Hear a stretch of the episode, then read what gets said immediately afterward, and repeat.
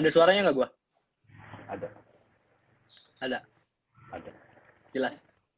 Lah, Kalau masih hidup, alhamdulillah. nggak seru dong. Eh dan juga Lu membantah Eh, mitos kata pemerintah. Katanya kan masalahnya gue menjalani pola hidup sehat sih. Jadi Hmm. aman. Tapi lu nggak mendukung mitos pemerintah kan katanya yang di Jakarta harus mati. Gue nggak baca berita itu. Alhamdulillah gue nggak baca berita itu. Dan kenapa harus ada mitos itu? Biar Jakarta sepi cuy. Kalau Jakarta Gak ada filter yang bagus eh yang bikin kulit gue putih gitu. industri nggak akan berjalan cuy. Bentar. Lu masih gawe? Masih. Gawe apa sih lu? Ya udah itu ya. Sepenting itu lu gawe. Karena eh, gue ini garda terdepan coy. Anjing. Tai. Iya. Kalau misalkan tim gue nggak kerja, nggak akan ada yang digaji. Hmm. Nah emang apa sih? Perusahaan apa sih?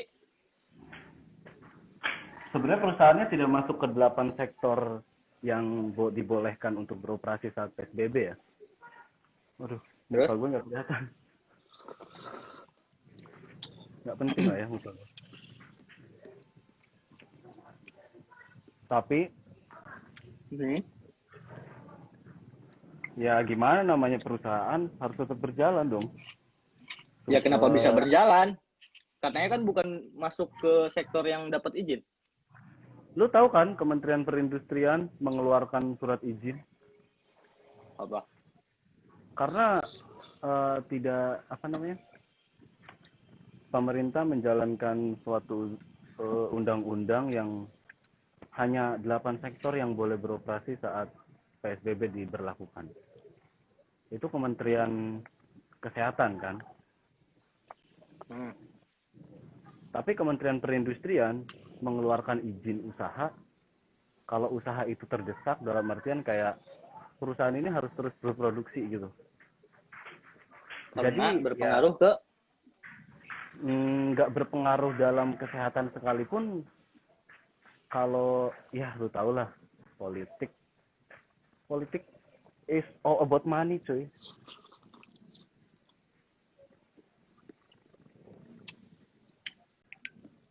jadi apa sih? Perusahaan apa? Gunanya manufaktur IT distributor IT distributor distributor IT kan? Berarti jauh. Jauh kan ininya apa? sebenarnya Eh, tidak Peran Tidak. penting ke kesehatannya kan jauh kan? tidak ada tidak eh, tidak termasuk Tapi eh, tidak mempunyai perangkat peran IT penting. perangkat IT untuk kesehatan ada kali. Di situ kali nggak ada komputer buat operasi gitu. AI Ini yang nonton penonton gua apa penonton lu? Nurul Agunawan nggak tahu, Adinda Rid- Ridwan nggak tahu. Tai. Anes Mustika, lo tau nggak? Nggak tahu dari lu kayaknya. Iya, itu pacar gua. Di anjing najis. Mana Gopolo? Anes Mustika, oke.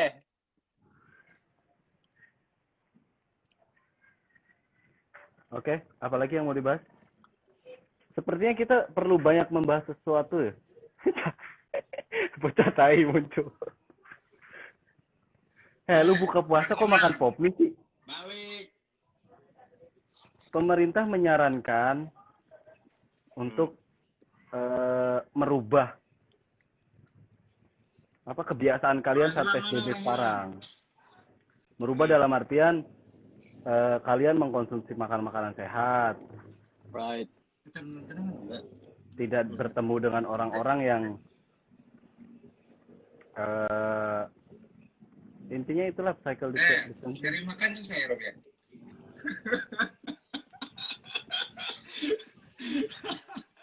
Tenang aja, kita perantau mah tidak tidak termasuk warga negara Indonesia nan. Mabar. Kita perantau Sesepi- tidak mendapatkan sembako. sesepi kumaha, bansos. Jakarta Kalau dibilang sepi, tidak juga. perubahan perubahan paling signifikan. Perubahan paling signifikan tidak ada.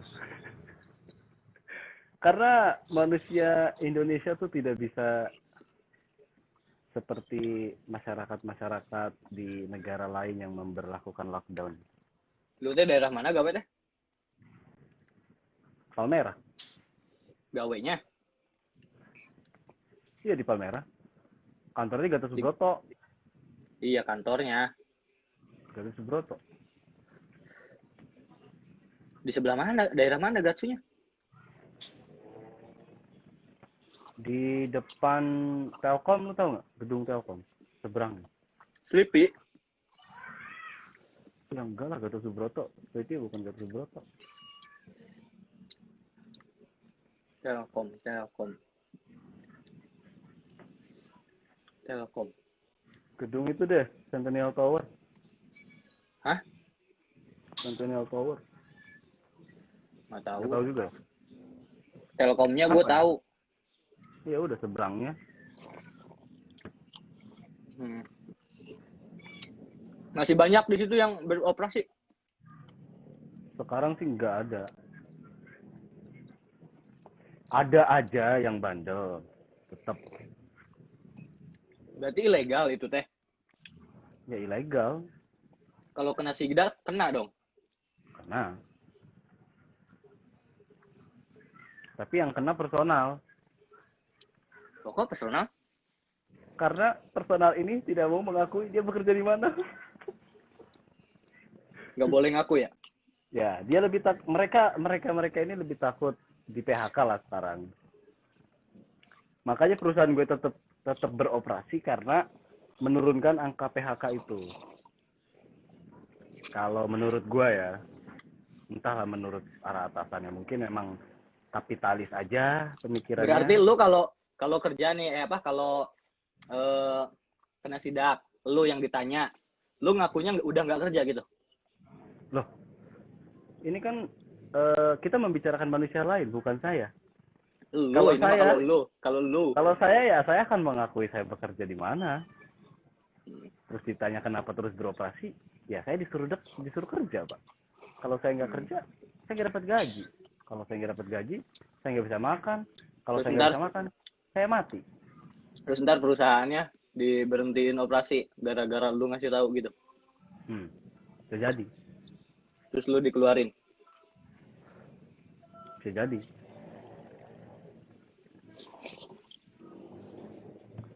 Gue pakai topi karena lu pakai topi merah gitu. Kebetulan gue pakai topi merah dan tidak tahu apa gunanya ini.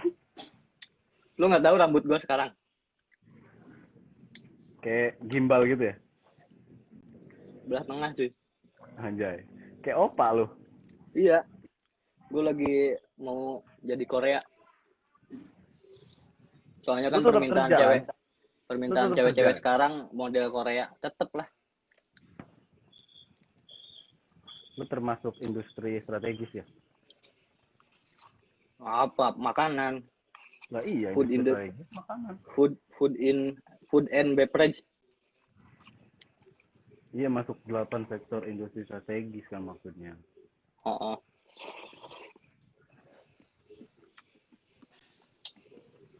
Terus Lu nggak nggak balik? kampung. Mm-mm. Mau maksa nggak? Nggak mungkin pulang sih. Kenapa nggak mungkin ya? Gara-gara aturan?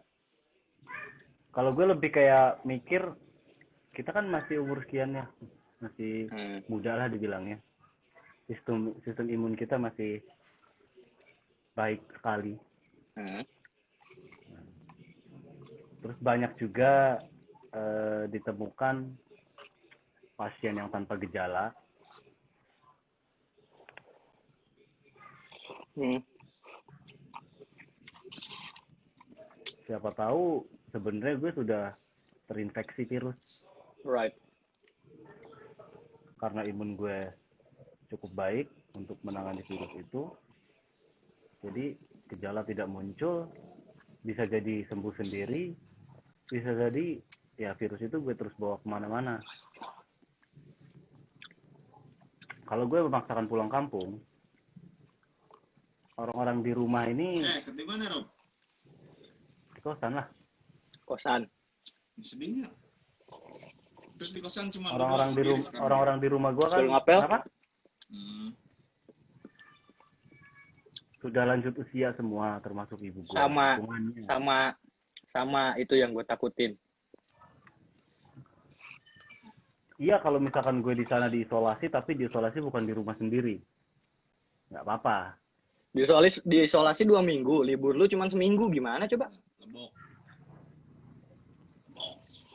Ya itu juga jadi salah satu pertimbangan karena memang udah gitu kan sekarang ada aturan baru yang memberlakukan kalau kita balik kampung belum tentu kita bisa balik lagi ke Jakarta kan. Iya itu baru banget itu mah. Belum Nah, belum dikeluarin Lah kita mengantisipasi. kan aturannya. Belum, belum terlalu. Terus ada denda juga 10 juta katanya. Di di kita di Majalengkanya. Heeh. Tapi Majalengka tetap rame. Ya kan menurut gue juga Indonesia itu sistemnya selalu bagus. Kenapa selalu bagus? Kayaknya lagi teori konspirasi.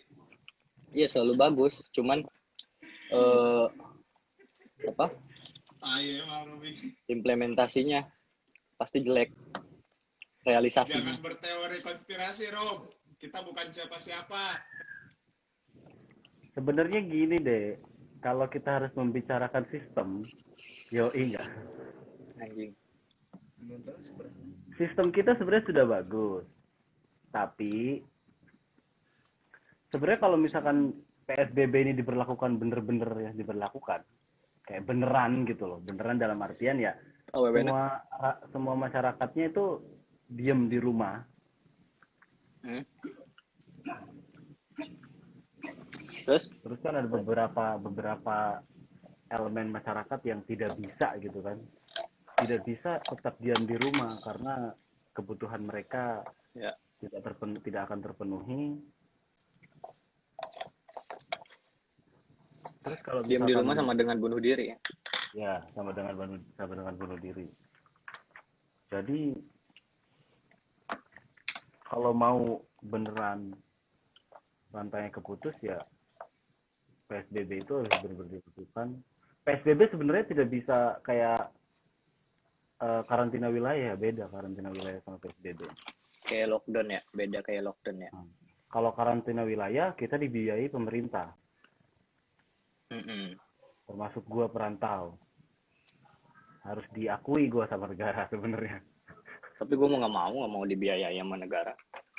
Cuman karena PSBB yang diberlakukan, ternyata Kementerian eh, Sosial memberlakukan bantuan sosial yang disalurkan dengan persyaratan yang yaitu cuman yang punya kakak Jabodetabek, Eh. bla bla. Jadi kita tidak bisa gimana? Enggak kok di sini dapat perantau juga. Masa? Mm-mm. Lu nonton itu nggak sih? Asal Nonton. asal dia udah bener-bener nggak ada penghasilan per bulannya.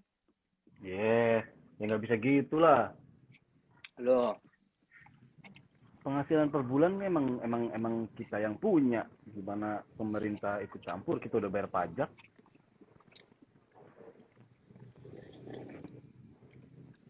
bukannya bantuan itu buat mengantisipasi mereka nggak pulang.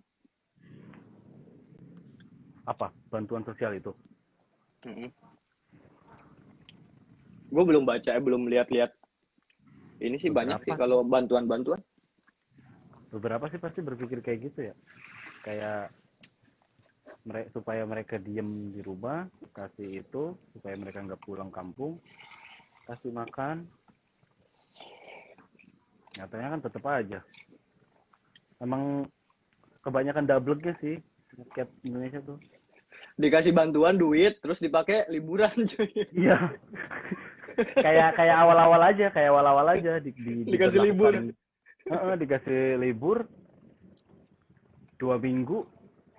Orang-orang tuanya malah ngajak anak-anaknya ke pantai, ke tempat rekreasi.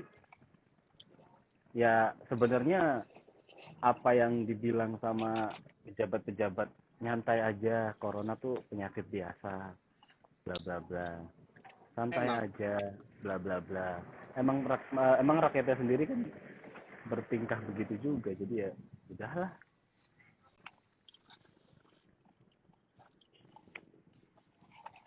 Tapi lu tetap bakal dikasih THR ya? Perusahaan gue baru banget ada email tadi Hmm. yang dikasih THR cuma yang mera- merayakan aja. Masa? Yang tidak merayakan dikasihnya nanti pas Desember Tapi tetap dikasih kan? tetap dikasih. Cuman Ya, nggak tahu pas juga. Natal gitu.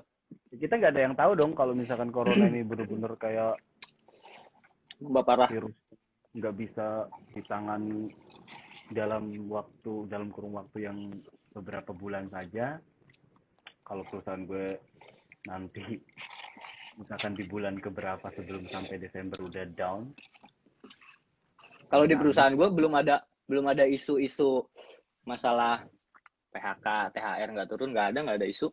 Normal-normal aja. ya karena perusahaannya jalan Iya, selama, selama perusahaan jalan, kita ngikutin aturan. Perusahaan gue cuman ketakutan itu yang kena sidak. Kan yang, yang di Jakarta tuh yang apa, Sinarmas apa?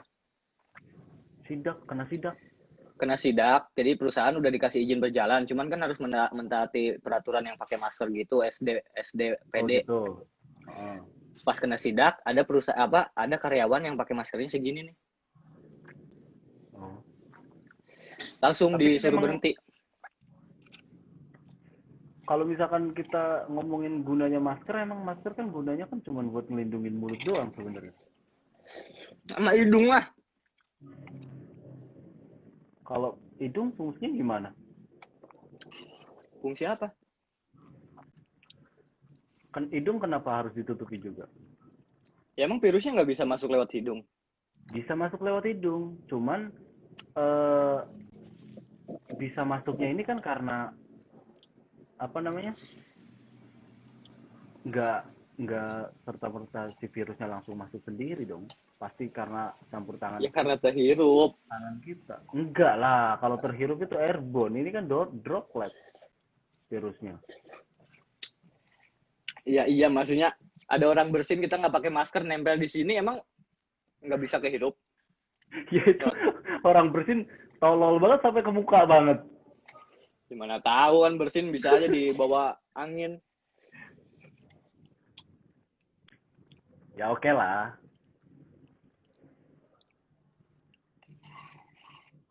jadi tetap berjalan dengan Dengan Apa tetap namanya? mengikuti aturan itu, pas kemarin ada ada berita yang perusahaan ditutup gara-gara pakai masker nggak benar, perusahaan gue ketakutan kayak gitu. Jadi peraturan di pabrik ketatnya parah masalah itu. itu semua divisi berarti Semua, semua mayora.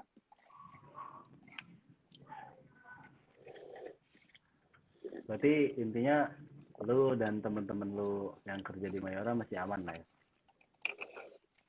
Aman. Secara ekonomi aman. Insya Allah. aman lah bonus lancar ya bulan kemarin Bonus baru habis nih. baru mau diperbaharui sama THR. dan apa ya gue sih yang ngerasa nggak adil entah gue doang atau mungkin beberapa dari perusahaan apa beberapa dari karyawan di perusahaan gue yang terima bonus eh corona kan ini terjadi sebelum perusahaan ini tutup buku lah hitungannya iya dong Hmm. Hmm. dalam artian kita masih punya dalam artian ya uang perusahaannya untuk membayar karyawan, membayar bonus karyawan ini Bonus. masih ada gitu loh. Stoknya harusnya udah ada ya. Iya, sudah ada, sudah Stok masuk duitnya. dalam hitungan. Corona masuk di kita nih isunya tuh di Januari. Kemudian pasien 0 pasien 01 dan 02 masuk di Maret, awal Maret. Berarti Jokowi dan Prabowo tuh. Tai.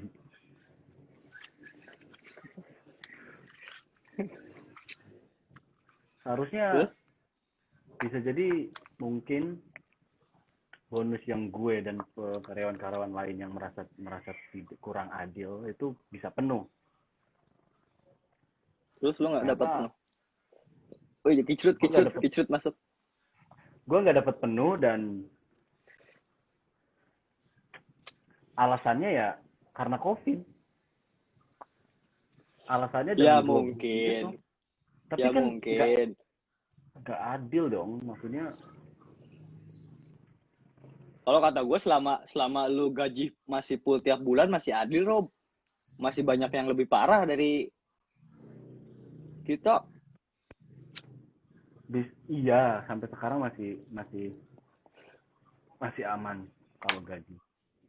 Tapi semakin hari isunya tuh semakin kayak eh, cenderung ke situ gitu loh. Mending gi- Ngeri kicrut gua cuy itu. Jadi pengusaha di daerah di apa? Tanah kelahiran. Iyalah, gila. Udah Lintang, kebeli Pajero dia. Lintang Corporation sudah merambak cabangnya. Pertama ya kan Lintang Baso, Floating. terus ada lin, terus ada Lintang hand sanitizer, Anjir. Lintang sanitizer, Bro. Lintang Gila. master kain. Lintang lintang sanitizer, lintang masker, beneran ada deh. Terus Masker lintang reusable. apa nih yang Lintang. baru nih? Lintang yang baru nih, pokoknya produksi baju kalau nggak salah. Manfaatkan Gua momen ngikutin. dia bagus. Gue ngikutin Dia aja tuh, sampai gift sampai giveaway-nya yang baru, gue ikutin. Giveaway naon goblok. Selamat Anda menang tuh. Ya, gue menang ya beneran lo, awas lo. Ini yang yang punya yang punya perusahaannya nih ngomong sendiri. Salah satu CEO-nya lah, salah satu ownernya. Tapi katanya dia udah kerja lagi sih. Segitu udah kerja lagi katanya. Dia sempet Kerja naon? Nggak tahu di mana tuh. Mang Kijut geus gawe deui.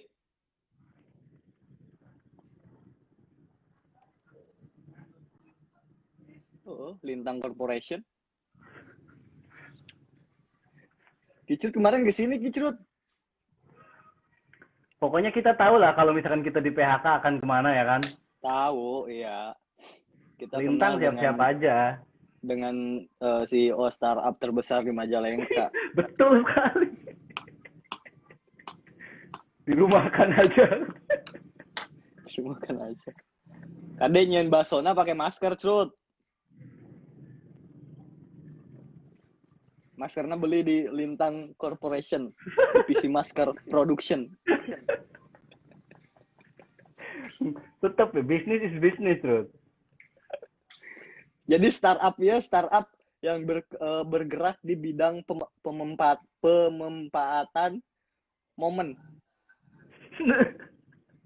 Pema, pemempaat, pemanfaatan. Kalau enggak dong, ini strategi deh namanya. Perusahaannya Kicut memproduksi sanitizer nih eh, untuk meningkatkan daya apa namanya? Daya jual perusahaan eh, daya, daya jual produksi dia yang lain. Kalau di Lintang sanitizer ini berhasil, cabang baksonya pasti di mana-mana. Di botol hand sanitizer-nya ada foto kicrutnya. cuy. Kayak Bupati Klaten, terus. Kayak bupati.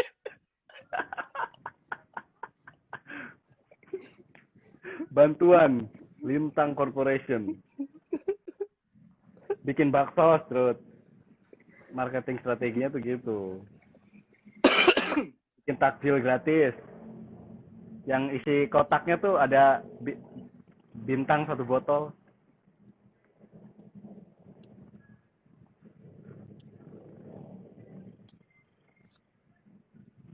Gue nggak apa-apa deh jadi jadi marketing aja terus Kalau butuh Ade desain, bisa ngurus- desain atau si Ade bisa ngurus pemasaran web secara segala digital, macamnya oke, cut, siap, cut.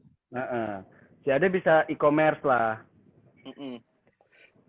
Pemasaran secara Gua mer- digital, oke.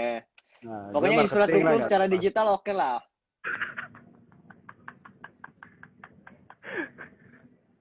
Gaji gaji di atas dua digit, oke lah. di startup nih 25 Startup ribu. nih. gaji gaji dua digit ini startup Seth. kalau udah punya anak perusahaan bisa tiga digit Kan udah banyak anaknya.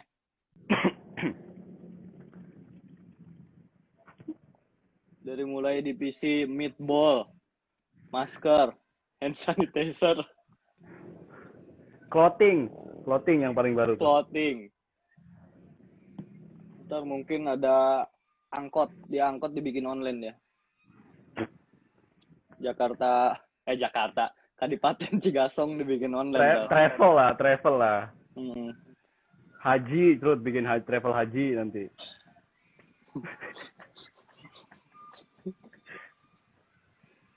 bikin manajemen iya cerut bikin manajemen eh, buruh penyaluran buruh-buruh. Kan Majalengka udah mulai banyak pabrik. Nah lu bikin tuh penyaluran buruh. Oh, manajemen kayak buruh tapi gitu ya? bahasanya. Jangan yayasan jelek bahasanya. Oh, iya, tahu bener, apa bener, bener. bahasanya? Manajemen manajemen. Tenang aja cerut otak mah banyak ide banyak, banyak, ide mah banyak. Kita memanfaatkan Ya, keadaan. Eh, action kan dulu angkut. Actionnya kan dulu kita jadi otak aja. Tenang. Back endnya banyak cut. Pasar kita udah tahu.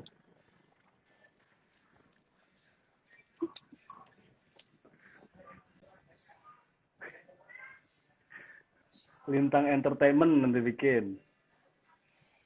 Lintang Labori. Buat manajemen itu tuh manajemen buruh Oh iya, kemarin hari buruh tuh. BTW di Majalengka ada demo nggak? Harusnya eh Majalengka udah ada yang oh, udah ada ya.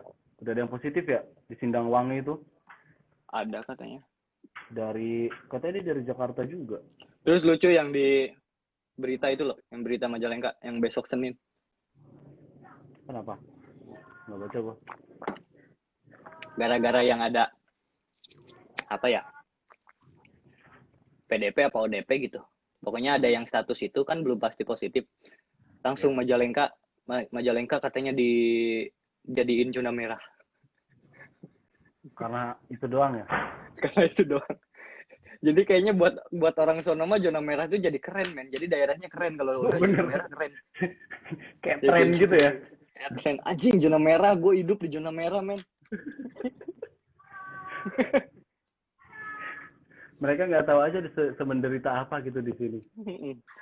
Eh, gue mau bahas ini. Lu lihat eh, TV One itu nggak apa sih Indonesian Lawyer Club?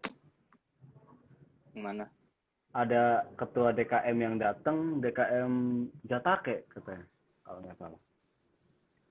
Jadi daerah lu dong gitu ya, masuknya hitungannya. hmm. Eh, kan gue sekarang lagi kayak yang kesel banget ngelihat orang-orang yang masih dablek banget, udah disuruh sholat di rumah masih tetap berjamaah. Hmm. Nah, pendapat dari ketua DKM masih di Jatake itu bilang dia menolak corona dengan ber- eh, dengan sholat berjamaah katanya.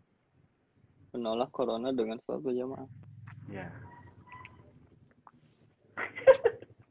ya Gue nggak mau masuk ke isu agama sebenarnya, cuman karena ini sudah menyangkut gimana ya? Sudah menyangkut kehidupan orang banyak bukan cuman agama Islam gitu loh. Ah, karena kita ya kan, yang kita alami sekarang itu kan sedang menghadapi virus yang tidak terlihat ilmiah gitu loh tidak bisa dituangkan dalam kondisi spiritual iya ini tuh logis okay loh. Ya, it's okay lah kalau misalkan keyakinan lu tetap tetap ada di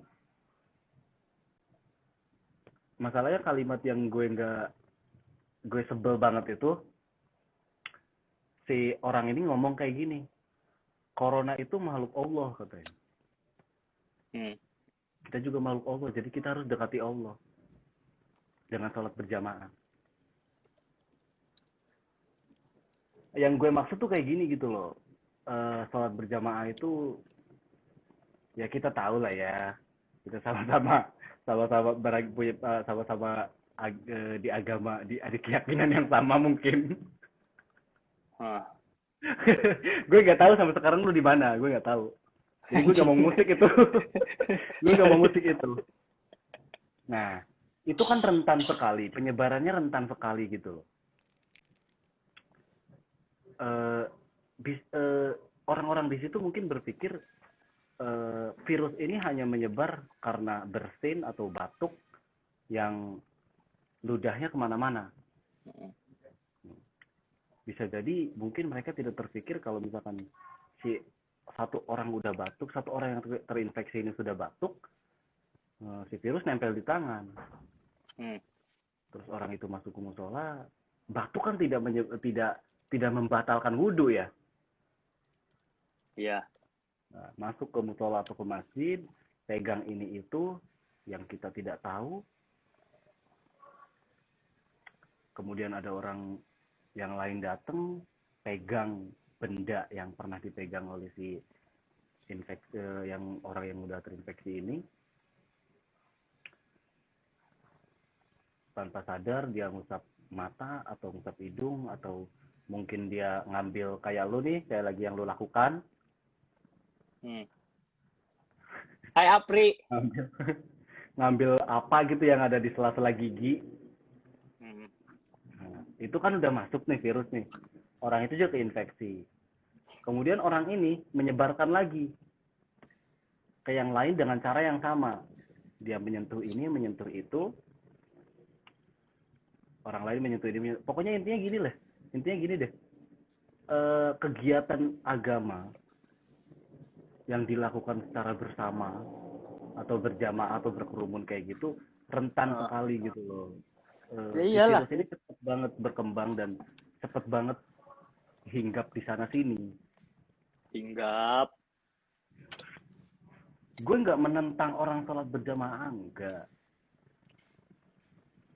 Gue gue sekarang posisinya di agama yang sama mana mungkin sih gue berpikir kayak yang Iya, Men- justru men- pemahaman pemahaman masyarakat itu kan pas dikeluarin itu banyak yang bilang masa ibadah dilarang kan bukan ibadahnya yang dilarang. iya bukan dilarang. Kayaknya memang mentok di situ pemahamannya. Ah, Iya, Tetap pada sosialisasinya yang yang kurang, kurang Terus kurang juga kan cus. banyak ya ya ya oke lah sosialisasi kurang tapi kan eh, di, di di di masa sekarang itu kan kesadaran sendiri itu lebih penting kalau tetap kalau terus disosialisasi ya kalau harus mereka tetap disuapin kayak gitu ya akan kena kena juga ujungnya gitu loh Padahal sekarang zamannya udah bukan disuapin lagi. betul Informasi udah Sekarang- bisa di mana-mana, cuy. sudah banyak media yang memberitakan ini itu gitu loh Mm-mm. Terus banyak juga kan yang ngelaporin kalau misalkan di masjid ini atau masjid itu masih sholat berjamaah padahal Itu yang tadi tuh ada ada berita dipolisikan yang lapor. yang lapor malah dipolisikan, Mm-mm. dihakimi, Ya, lah, ya. dipersekusi sampai bener-bener kayak yang dibilang penista agama itu udah terlalu jauh dong, udah berlebihan. Kayak yang gimana sih pikiran kalian tuh gimana gitu loh. Gue tuh pengen ngomong gitu loh. Gue pengen bikin story waktu itu. Ini kayaknya orang-orang yang hidupnya kayak gini, hidup beragamanya cuma taunya sholat doang. Itu kan gue nemu video yang itu yang eh, apa? Ya yang bapak-bapak ceramah itu kan. Bukan. Yang Iya, anak kecil, bapak-bapak. Oh, anak kecil. Kenapa anak kecil? yang yang yang potongan film yang apa sih ya kemarin tuh? Eh, ah lupa gua. Ada kok di ini gue pokoknya ngena banget. Jadi kan katanya eh, takut takut kok sama corona takut sama Allah gitu kan. Hmm.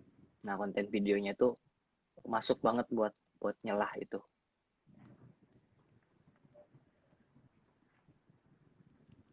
Terus juga kan banyak banget yang kayak aduh gimana ya? Gue bilang ya mungkin memang orang-orangnya sendiri kayak berpikir ya sudahlah dia pasrah. Artinya pasrah dong kalau misalkan dia berpikir kayak gitu kayak yang eh, dia tetap melakukan sholat berjamaah bla bla bla. Dia cuma takut sama Allah eh, yang mereka bilang begitu. Kita cuma takut sama Allah ya udah. Kalau misalnya kita sakit kita terinfeksi kita mati ya udah memang itu sudah takdir ya nggak bisa gitu dong yang jadi masalah kalau misalkan sa- virus ini kenanya ke lu doang itu Mm-mm, apa-apa. oke.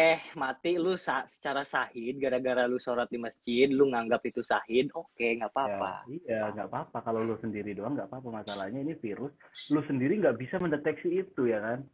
Mm-mm. lu sendiri tidak bisa eh, mendiagnos kalau lu tuh kena gitu loh. Ya mungkin salah satunya ya harus keinfeksi dulu baru sadar. Tapi belum ada ya kejadian yang nggak tahu sih. Belum ya ya nggak tahu juga. Karena kan memang Ya, yang berita terinspeksi dari gara-gara dari masjid gitu. Hmm. kan gue gantengan kalau gini.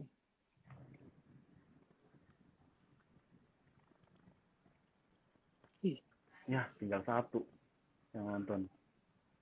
Nggak ada yang nonton malah biarin buat dokumentasi hidup kita doang. Siapa takut lu eh siapa tahu lu besok kan positif. Jadi gue ada kenang-kenangan. Anjing.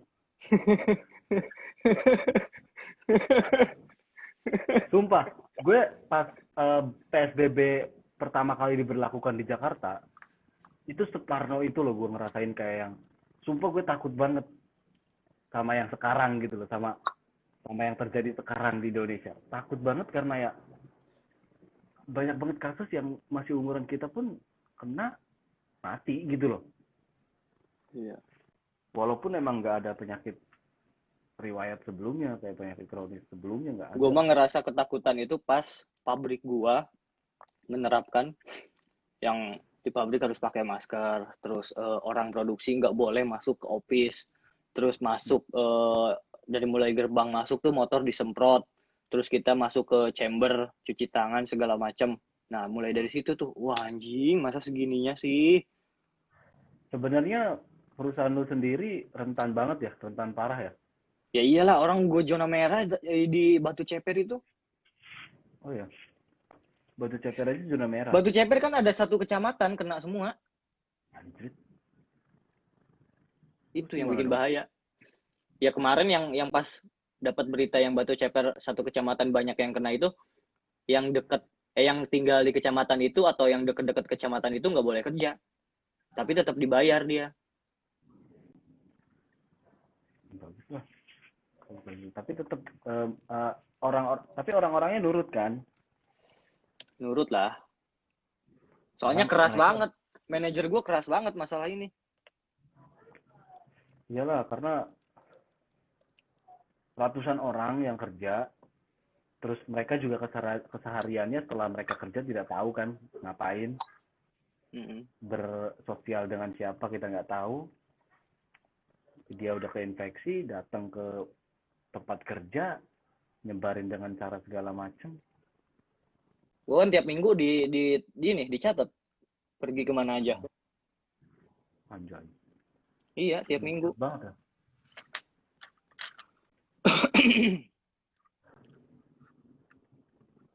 Jadi misalkan kemarin ada data tuh yang kan tiap minggu ngisi. Seminggu itu ke mana aja kita pergi terus eh, ada apa sih surat surat pernyataan itu surat pernyataan apakah lu lagi sakit apa gitu kayak gitu.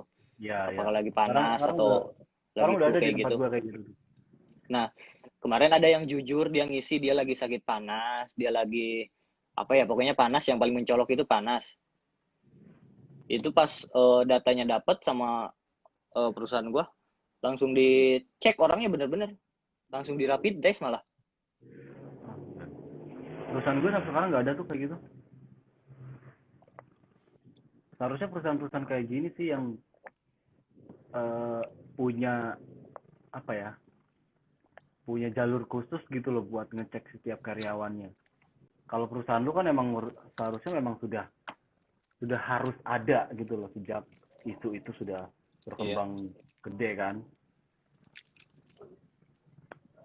Ya itu gue ngerasa parno banget karena perusahaan gue nggak punya kapasitas itu gitu nggak punya kapasitas untuk masuk ke jalur gimana kayak kayak mereka ngomong gitu ke Kementerian Kesehatan supaya ngadain pemeriksaan ya ya susah juga sih mungkin memang pasti pasti pasti susah banget. Karena memang pemerintah sendiri sekarang ngelakuin rap- rapid test nggak bener juga kan.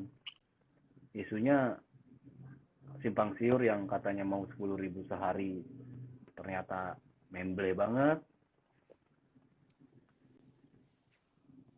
Rapid test sebenarnya bisa bisa jadi nggak nggak nggak nggak nggak jadi tolak ukur cuman karena ya bisa jadi itu juga kan kayak indikasi awal gitu kan dibilangnya kan.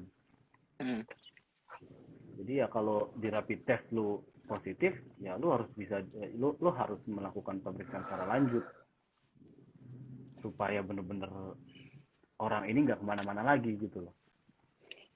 Iya, untungnya perusahaan gue itu disiplin, ngikutin aturan, terus eh, yang bisa bikin karyawan jujur itu kalau mereka ada gejala atau apa-apa, di op di op pun diberhentikan kerja itu dirumahkan selama dua minggu masih tetap dibayar. Itu untungnya. cuman eh, di perusahaan gue karena kebanyakan itu sih kebanyakan udah yang udah bisa mobile gitu kerjanya jadi banyak juga yang memang udah WFA dari bulan-bulan lalu. Sampai ada yang udah hampir tiga bulan mereka WFH kalau gue nggak bisa WFH karena emang nggak bisa mobile manual parah. Saya bikin sistem dong. udah di udah dipikirin juga cuman mentok-mentok juga. Ya gimana sih namanya gue gue udah bilang gue gue berpikirnya kalau memang ya pemimpin perusahaan kapitalis bodo amat Ya nggak gitu juga kalau menurut gue. udah udah itu banget sih apalagi TL gue yang ngangguk-ngangguk doang sama di atas Mereka tuh udah udah udah kelewat pusing. iya Semua pemilik bisnis pasti kelewat, pusing udah. jalan ya kan Iya. Satu sisi mereka juga serba salah ya kalau misalkan ya memang kalau misalkan udah parah banget ya nggak ada jalan nggak ada jalan lain memang benar pemerintah yang harus berperan lebih gitu loh Hmm.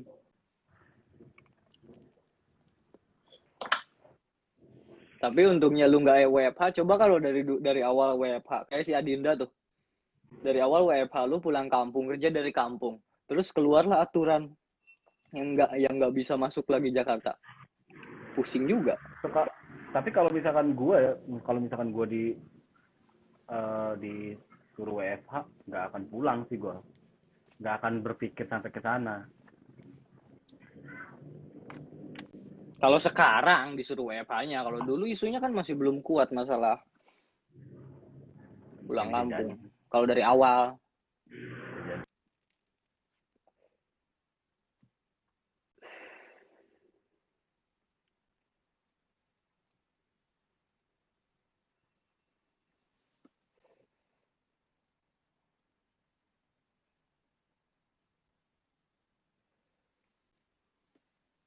mangkrak juga tetap nggak bakalan jalan juga simulasi itu karena setiap hari gila gue kemarin baru ngelihat sepuluh ribu sepuluh ribu lima ratus sekarang udah sepuluh ribu delapan ratus gue bingung ya? cara ngetesnya tuh gimana gitu loh yang positif nih nggak tahu.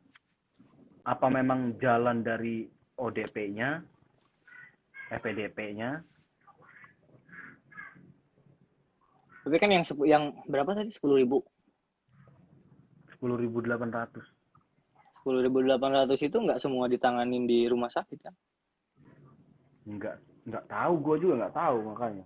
Kalau misalkan memang semuanya ditangani di rumah sakit, nggak bakalan bisa juga. Kapasitas pasti nggak nggak ada dong. Apalagi Terus kemarin dengar yang apa? nggak positif itu kan butuh ventilator. Ventilator di Indonesia katanya kurang banget. iya. Apaan Terus katanya di kata, eh, apa dok kayak kata dokter Tirta rumah sakit itu kalau lagi kayak gini bukannya untung. Kalau kita orang awam ngelihatnya banyak pasien gitu ya, Hmm. untung gede. Tapi malah rugi katanya. rugi lah karena memang eh, pasien yang positif ini kan udah jadi tanggungan pemerintah. Iya. Ruginya Terus kenapa? yang gua pemerintah udah Ya. berani nanggung tapi nggak bayar. hmm, Pemerintah cuman berpikir buat kayak Wah sampai sekarang aja masih banyak kok yang meninggal si tenaga medisnya. yang kasihan itu yang punya sakit lain se- selain corona loh. Iya, nggak diurusin ya. Ya nggak tahu. Kalau di bayangan gua kan rumah sakit nih udah semrawut semua ngurusin fokus ke corona. Terus ada yang sakit apa gitu, bisul ke rumah sakit pasti nggak diurusin. Ya mungkin dokternya sendiri bilang, udah lu pakai salep aja, nggak usah di rumah sakit. Iya maksudnya nggak bisul juga.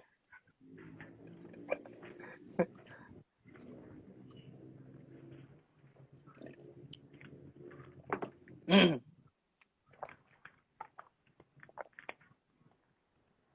Sekarang gue mau nanya, menurut lu gimana? Menurut lu akan sampai kapan pandemi ini?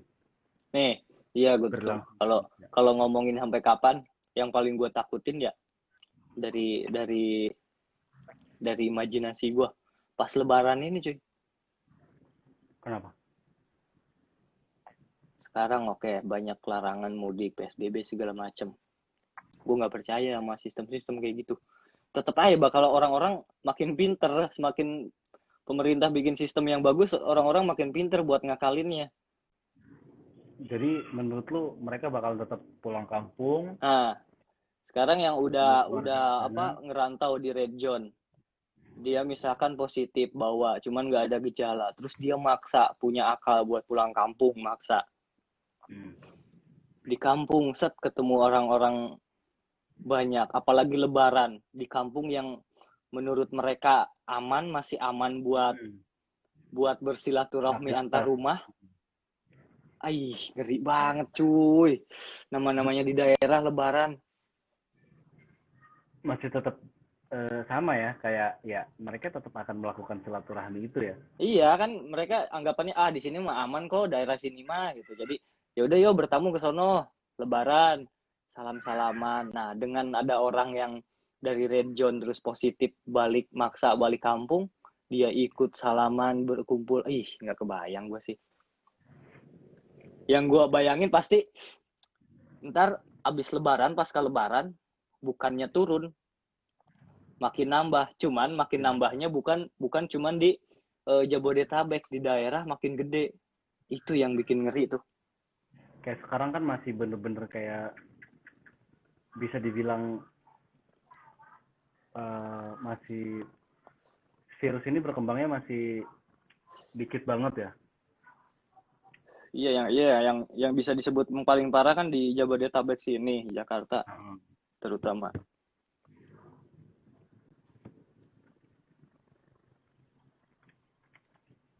Jadi menurut tuh akan karena efek itu akan lebih lama lagi. Mm-mm.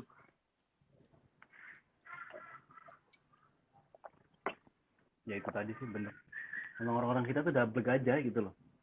iya sepinter yang- apa pun Bodoh Eh, amat udah. iya sepinter apa pun orang nyiptain sistem aturan tapi si pemakai sistemnya si pelaku si aktor dalam sistemnya nggak nggak punya kesadaran dari masing-masing sama dengan nol sistem itu ya benar. nggak bakal kerja. Jadi kita itu lemahnya itu sebenarnya menumbuhkan kesadarannya. Bukan bukan bukan di sistemnya ya? Iya bukan bukan lemah di cara di teknisnya lah. Mm-mm.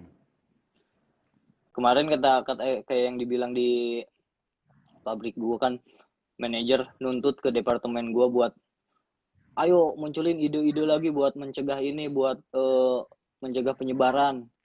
Hmm. apalagi keluarin buat yang muda-muda. Nah gua ngomongin kayak gitu tuh. Pak maaf nih bukan saya so tahu atau gimana. Kalau menurut saya pendapat saya kayak gitu. Sistem kita tuh udah udah sangat disiplin udah bagus udah ketat.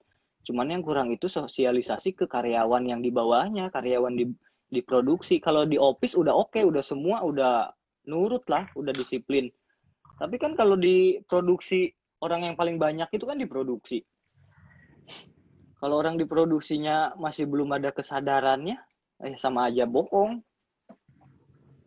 Nah jadi sekarang dipikirin itu bukan cuman gimana caranya bikin sistemnya tapi gimana caranya buat bikin orang-orang sadarnya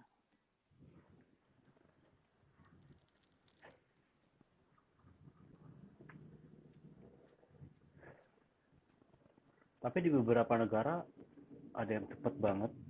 Ya, karena mereka sistem pemerintahannya beda keles pertama itu. Tapi kan masalah yang dihadapi kan sama hitungannya. Hmm. masalah yang dihadapi sama. Dan bisa jadi nggak menutup kemungkinan sistem mereka pun eh, akan sama gitu loh prosedur yang mereka eh, prosedur Iya. yang mereka jalankan sama. Prosedur buat pencegahannya sama Rob. Cuman eh, dengan sistem pemerintahan mereka yang nggak demokrasi pasti bakal lebih gampang. Yang misalkan kalau iya sih kalau de- nggak demokrasi mah. Ya iyalah kayak komunis. Komunis kok komunis? Siapa sih sistem-sistem pemerintahan gitu? Yang kata presidennya A semua rakyat harus A. Kayak gitu loh nggak boleh ada yang ngasih masukan nggak boleh ada yang ngasih ide. Keputusan semua ada di presiden. Kalau ada yang melanggar langsung hukum. Nah, kita kan kayak contohnya enggak. di di korut lah ya. Ya kor Vietnam tuh yang yang gila mah kan. Vietnam cuma itu dua minggu. banget parah. Dan Ya iya, karena yang kan- mati. Mm-mm, pemerintahannya kan kayak gitu katanya. Gue nggak tahu sih kayak apa pemerintahan mereka tapi itu keren banget parah. Singapura juga sampai sekarang yang notabene pemerintahannya bagus rakyatnya apa namanya rakyatnya sudah dewasa semua dalam dalam cara berpikirnya. Disiplinnya udah bagus semua tapi terus dari segi segi gedenya negara juga ngaruh lah. Indonesia gede banget. Terus selain gede kepulauan susah banget. Pisah kalau ya. kayak Vietnam segitu doang seencrit. Terus nggak berkepulauan kayaknya lebih gampang deh. Iya sih itu pengaruh banget. Kayak Singapura katanya kan? Singapura katanya banyak yang di apa diapresiasi. Uh keren Singapura penanganan covidnya dibandingkan Indonesia ya iyalah Singapura segimana Indonesia sejakartanya Indonesia itu mah Heeh. ya iya segede gitu mah Jokowi juga kalau jadi presiden di sono cepet kali Jadi menurut lu karena memang masyarakat kita sendiri yang kurang kesadarannya akan lebih lama lagi. iya kayaknya Ya ketakutan lu yang tadi tuh sebenarnya bener banget. Karena memang orang-orang kitanya sendiri yang susah. Ya balik lagi sih ke mereka susah juga kan karena memang kalau misalkan mereka di Jakarta tinggal di Jakarta. Kemasukan mereka nggak ada. ya iya tetap kalau ditelusulin telusulin ke situ-situ juga.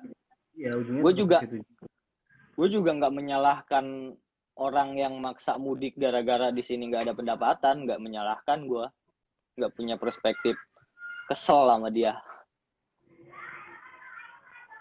cuman ya mau gimana lagi? Terus gini rata-rata kan orang yang pendapat yang di sini nggak punya pendapatan gitu. Terus mereka eh, maksa mudik. Rata-rata orang yang nggak punya pendapatan yang nggak punya pendapatan sampai sekarang itu gara-gara covid ini orang-orang yang pengetahuan soal covidnya justru kurang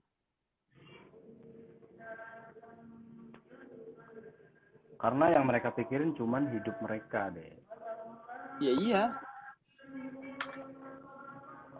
Dalam dalam artian yang mereka pikirin cuman hidup mereka tuh ya mereka cuman mikirin gimana mereka bisa hidup besok gitu loh. ya iya bener. Kalau ke situnya bener. Cuman ya ya iya itu yang gue sayangin itu. Justru orang-orang yang kayak gitu yang pengetahuan tentang covidnya yang kurang terus mereka ditekan sama keadaan buat ngelanggar Ya, eh, aturan yang dibikin pemerintah iya benar. Tapi banyak juga nggak apa banyak juga teman-teman gue yang eh gue lihat mereka aktif kok kalau masalah informasi si corona ini bla bla bla. Tetep tuh Hmm. kayak ngerasa pengen pengen banget balik. Nah, kalau itu kalau itu gue bilang goblok. Nah, gue kesel tuh kalau kalau sama orang-orang yang kayak gitu kesel tuh. Lu udah tahu, udah Kayak- ngerti masalah COVID, tapi lu masih tetap ngeutamain ego lu gitu. Nah, kayak mereka tuh berpikir kayak gue gue nggak pengen lebaran di sini. Gue nggak pengen Iya. kayak ngerasain lebaran sepi bla bla bla segala macem. Kayak bodoh amat sama kondisi lingkungan. Antara ya antara dua Ya. pilihan mereka nggak mikirin eh, dia nggak pengen kesepian, nggak pengen sedih lebaran di kampung orang. Hmm. Dia bisa berlebaran sama keluarga, bisa ngumpul, tapi nantinya keluarganya bisa sengsara gara-gara dia. Iya. Itu bahkan bisa lebih gede lagi impactnya. Bukan cuma keluarga dia jadi. Iya, bahkan cuman bukan keluarga dia yang bahaya.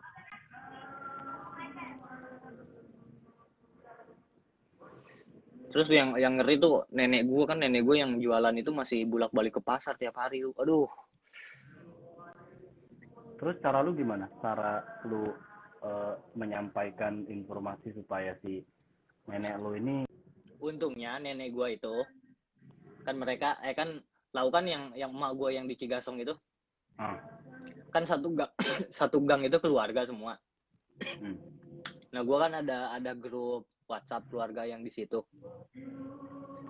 Nah, kalau gue lihat dari grup itu, untungnya keluarga-keluarga yang masih mudanya, kayak bibi gue, kayak mamang gue yang ada di lingkungan situ, mereka tuh pada ya udah udah udah inilah udah ngerti lah masalah covid ini. Paham ya? sosial udah tersosialisasiin lah.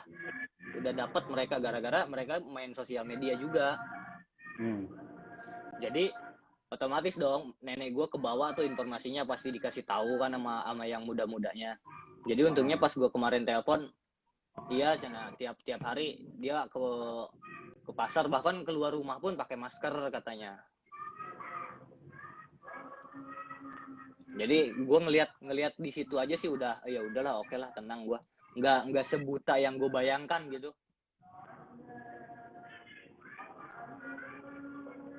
gue beberapa apa ya? Gue juga sempat nelpon mama gue kan. Mama gue apalagi buta banget lah sama sama hal kayak gini. Nah, gue ngebayanginnya gitu kemarin tuh anjir keluarga gue apakah udah udah pada ngerti ya? Tapi pas kemarin gue ya? nelpon udah tenang lah. Di daerah gue tuh sosialnya tuh masih ya lu tau lah eh, orang kampung kalau misalkan bersosial kayak gimana Mm-mm.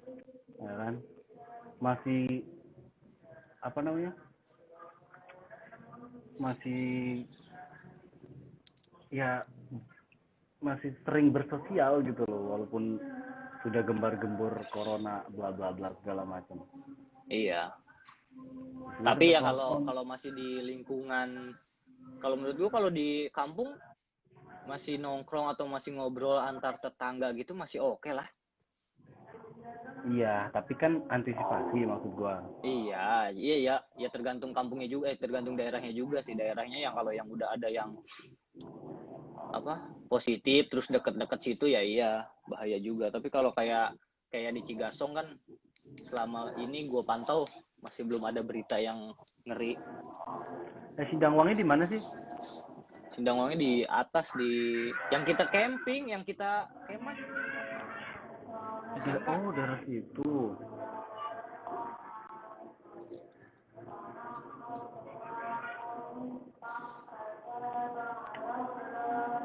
Raja Galuh ya Iya Raja Galuh ke lagi. Ya udah mau kuningan. Iya, Itu yang satu-satunya gue takutin itu yang nenek gue kan udah tua gitu, masih bolak-balik ke pasar anjir, ngebayangin pasarnya. pasar pasar Majalengka Pasar Cigasong. Ya makanya gue gue tanya kalau keluar pakai masker nggak? Iya pakai. Udah ngerti kok. Udah agak tenang gua. Iya, apalagi uh, umur-umuran segitulah ya kalau kayak mama gua, nenek lu itu loh misalnya. Iya Umur-umur itu ngeri. eh bukan masalah sistem imun lagi kayak yang mereka pegang apa aja sekarang sudah bodoh amat gitu loh, Dek. Iya. Itu salah satu yang bikin gua khawatir juga. Terus untungnya Gua selama puasa ini Gue sempet nelpon juga kan. Gue bilang kalau nggak penting-penting banget, mending dikurangin ngobrol-ngobrol sama tetangga, bla bla bla segala macem. Gue nggak pulang, nggak nyebarin di kampung atau misalkan di keluarga gue. Hmm. Gue takut karena anggota keluarga gue yang di kampung ini masih sering bersosialisasi kayak gitu, malah mereka kena dari orang lain gitu loh. Jadi Bisa kayak sebaliknya. iya, Iya.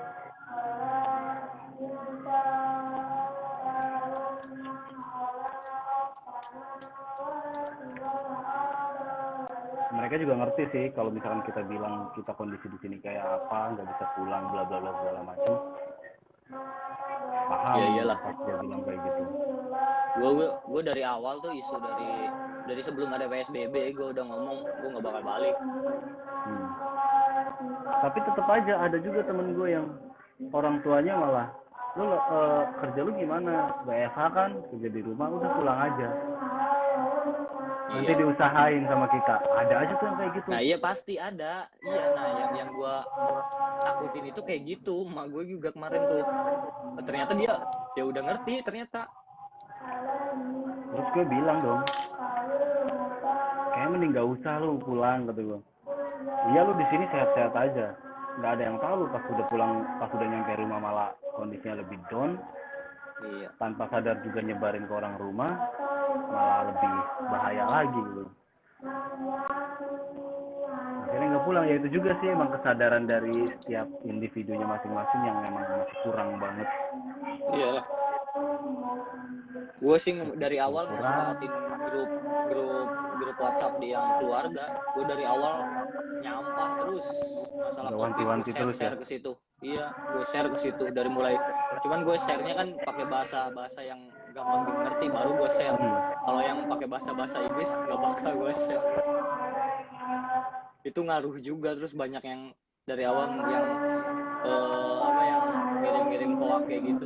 Jadi jadi polisi lah gue jadi polisi grup WhatsApp keluarga. Iya, soalnya kan apalagi yang yang Iya, bisa kita hitungannya kasih.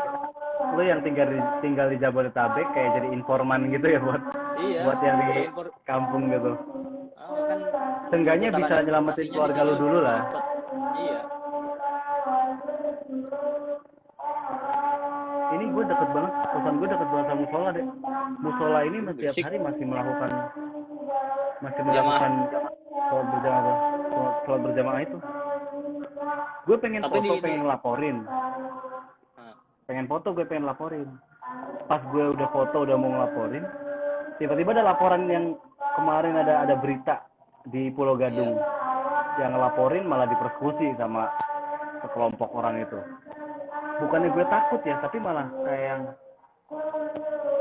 ya gue berpikir orang-orang yang melakukan masih yang, masih melakukan sholat berjamaah ini pemikirannya masih sama gitu loh. Akan tetap ke sana juga dan akan gue juga yang nantinya bakalan dipojokin. Dipikirnya gue salah gitu loh. Musola apa masjid musola tapi penuh. Tapi daerah situ belum ada yang belum ada. Ya gue nggak tahu sih belum udah ada atau belum ada cuman gue nggak tahu tapi rame parah deh tempat gue tuh. Bener-bener rame parah setiap hari. Kayak nggak ada apa-apa aja gitu. Iya. Nah iya kadang tuh gue juga suka mikir ini teh apa gue yang terlalu berlebihan atau emang yang lain yang lain belum, Bener. belum aware ya. Bener kayak yang mereka nih sebenarnya terpaksa untuk keluar atau kalau misalkan terpaksa apa semuanya harus terpaksa gitu loh. Gue yang kalau misalkan gak ada kegiatan penting banget kayak misalkan gue pulang kerja eh gue gue berangkat pulang kerja udah. Balik kerja udah di kosan aja. Balik kerja langsung gue beli makan gitu kan. Nggak keluar keluar lagi tuh. Sabtu minggu gue diem di kosan ya sama. Pas gue keluar kosan anjir. Ini orang-orang apa kayak nggak tahu sebenarnya ada corona atau gimana sih gue pikirnya. Tapi Iya. pada pakai masker semuanya. Kayak yang mereka berpikir kalau gue pakai masker ya gue ke mana pun aman. Hmm. mereka tetap berpikir ke situ gitu loh. Atau padahal enggak mereka itu ada filter di otaknya ngelakuin cuman yang bagi mereka nggak ribet. Betul. Atau bagi Jadi, mereka yang nggak ya itu tadi. agama. Mereka tetap pakai masker. Jadi mereka udah merasa aman gitu.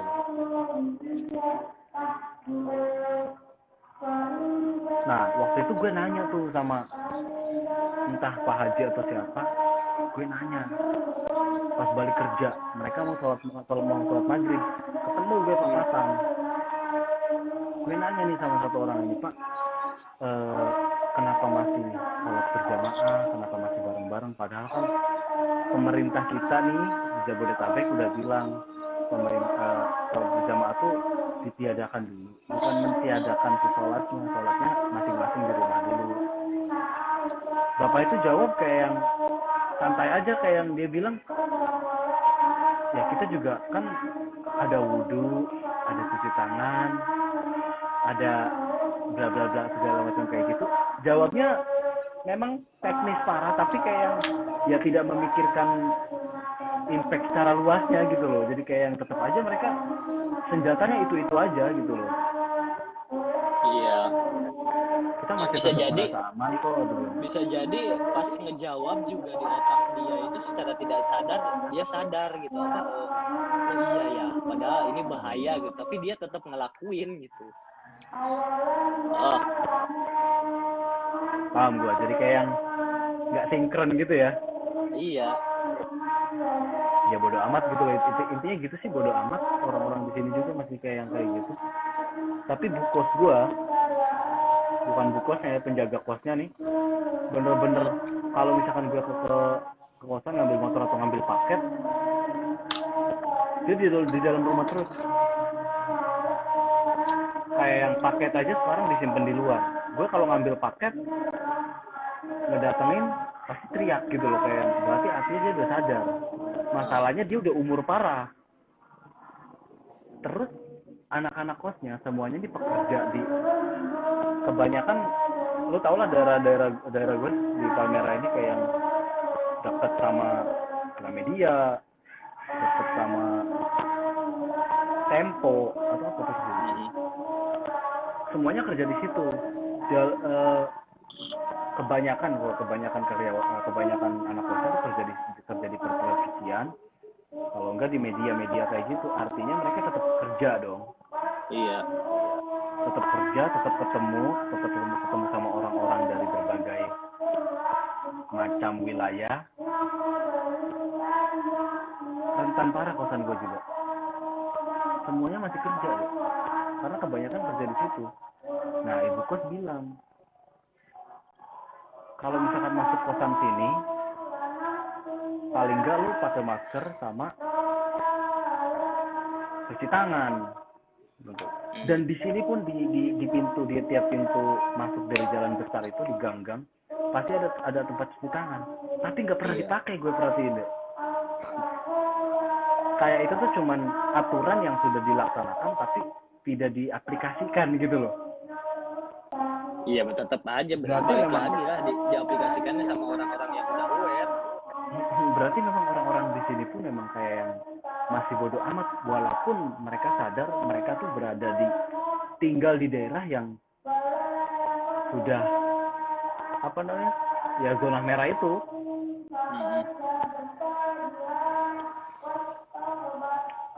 Terus gue juga pernah datang ke kosan cewek gue gue datang buat nganterin makanan kucing Hmm. gue nggak diperingatin apa apa datang aja. Pak walaupun gerbangnya emang ditutup gue masuk itu gue minta izin. Nggak lama eh 30 menit lah. Nggak 30 menit ya kurang dari 30 menit gue didatengin sama hampir tujuh orang. Terus? Padahal gue posisinya ngobrol duduk di depan kayak gue pengen eh, gue pas-pas didatengin gue disuruh pulang. Pas disuruh pulang gue jalan pas nyampe posnya gue diberhentiin. Diajak ngobrol sama mereka mereka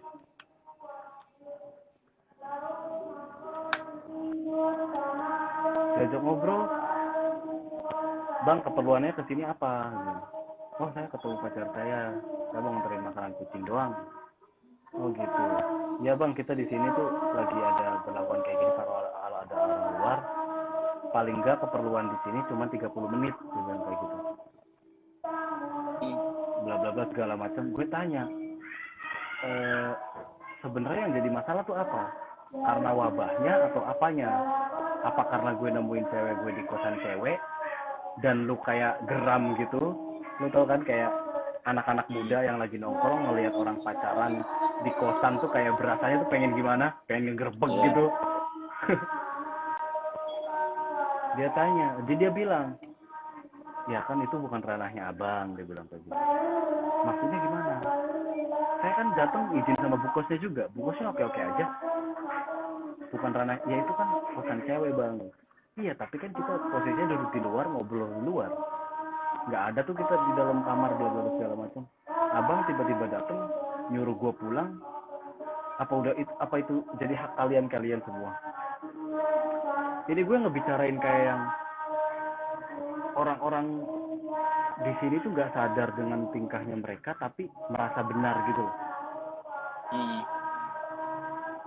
pas gue tanya ya karena wabah juga bang kalau karena wabah gue jawabin kalau karena wabah seharusnya lu tidak memperbolehkan gue masuk dong. Sama sekali. itu. luar sama sekali. Bukan bukan 30 menit. iya gue bilang kayak gitu. Lu harusnya tidak memperbolehkan gue masuk kalau misalkan alasan lu karena wabah. Karena lu tahu nggak 30 menit itu gue bisa kalau misalkan amit-amit gue terinfeksi gue bisa nyebarin ke ratusan orang. Karena lu tahu satu menit kita bisa nyebarin ke tujuh orang Hmm. penelitiannya ada gue bilang. Kalau kalau masalah lu karena wabah. Terus kalau misalkan kedua kedua kalau masalah lu tetap karena wabah lu kenapa di sini berkerumun berkumpul? Gue gituin pada pelangap pelongo ini tujuh orang udah kayak ngerasa mau ngeroyok gue deh ya kita kan orang sini bang. Tetep lu orang sini tapi lu nggak boleh berkerumun kalau misalkan eh, lu mikirnya ini karena wabah bla bla segala macam. Tapi kan ini perintah Pak RT gue bilang ya udah Pak RT suruh sini suruh ngobrol sama gue terus ada satu orang lo kalau lo kalau nyolot bang? Dia bilang gitu. Lo enggak gue nggak nyolot. Gue main ke sini baik-baik tapi gue digerebek kayak orang dipersekusi kayak kayak gue melakukan kesalahan besar banget gue bilang. Kayak lu ngerasa dirugikan material non material sama gua apa enggak gitu.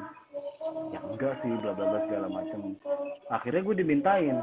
Karena gini alasannya gini gue dimintain identitas karena alasannya gue mereka mereka ini gue takut terinfeksi terus nyebarin orang-orang situ jadi gue jadi suspeknya. Hmm. bilang kayak gitu. Akhirnya dimintain deh. Apa namanya? Identitas gue gue bilang gue minta identitasnya Pak RT soalnya kalau misalkan identitas gue di apa namanya digunain dengan tidak benar gue minta tanggung jawabnya akhirnya gue dibawa ke rumah Pak RT nggak lama setelah itu ada orang yang digerebek lagi sama sembilan orang termasuk Pak RT-nya juga. Gue bilang ini apa masalahnya? Kok kok jadi kayak yang segininya? Ini sebenarnya soalnya tuh corona atau memang keresahan lu sih sebenarnya? Kayak keresahan pribadi gue jatuhnya kalau misalkan masalahnya corona ngapain lu berkerumun? Ngapain lu nyuruh gue Iya. masuk juga? Kurang pas. Kalau alasannya corona kurang pas. Jadi itu tuh kayak kayak penggabungan mereka tuh udah sebenarnya udah geram dengan dia di sekitar itu ada kos-kosan putri. Ada keinginan buat mereka sosok main hakim. Nah betul. sekarang ditambah lagi. Gue tuh pengen bahas ini deh di, di. Pengen bahas isu inilah kalau misalkan gue bikin podcast sama lu sekarang ditambah lagi dengan isu corona jadi bisa mendukung mereka untuk merealisasikan keinginan mereka tapi ketika gue ajuin beberapa pertanyaan yang menyangkut itu mereka bener-bener nggak bisa jawab karena gue kayak apa gitu loh Iya. Di Curug, Sem. Serangan di mana Tangerang?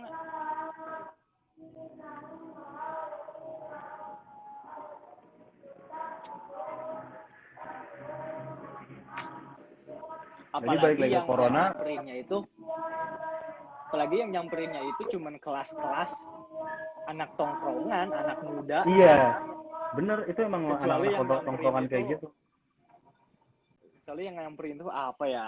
Ya bapak-bapak yang yang bisa kita lebih percaya gitu omongannya, Hmm. yang lebih bijak gitu.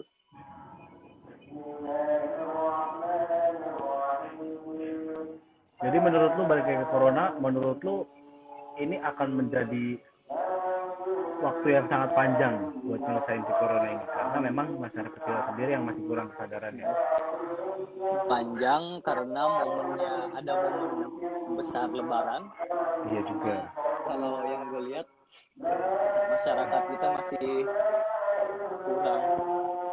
Masih ada beberapa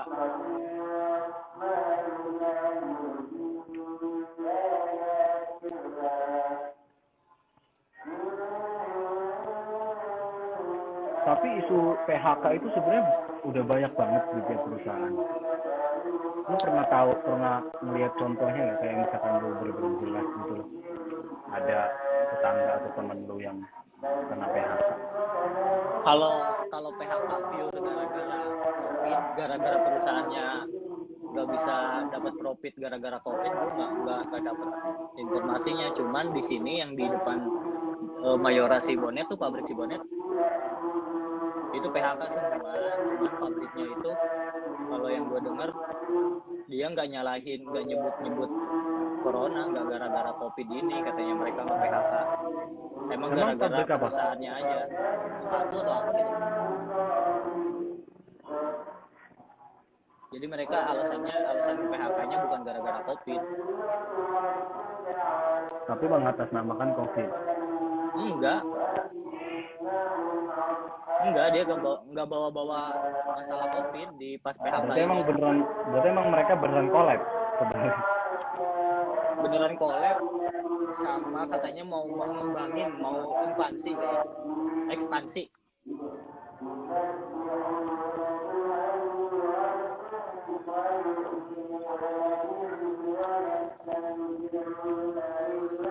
Tuh temen lu di Tangerang katanya. Ajak main berkerumun Hmm, Tangerangnya di mana Baterai gue udah gue cari makan dulu. udah udah matiin aja udahan lah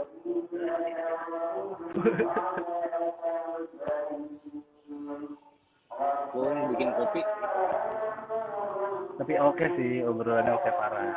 Gak kayak podcast podcast lu yang ngobrolin anak kampung, perempuan kampung, beda lah gue ya untungnya pas pas dan gue tetap dengerin anjing buat kata gue. gue pas pas isu corona ini yang stay at home yang suruh diam di rumah Anjir Cipondo mah jauh tuh. Untungnya pas itu pas gue langsung kebeli laptop, kebeli meja, kebeli kursi, Kebeli internet kepasang di rumah. Udah makin betah gue di rumah. Airport baru. momennya. Lagi nih. Itu yang dua apa Seri. yang satu? Yang seri 2 ini. Kurang di Curug. Gue juga seri dua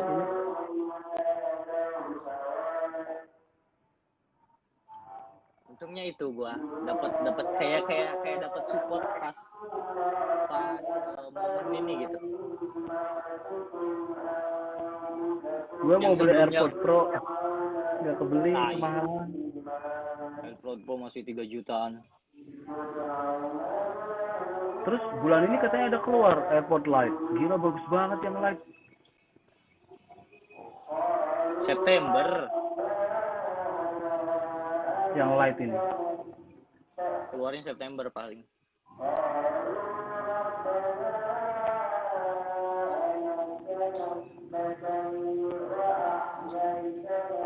Ya udah, matiin ya. Yuk.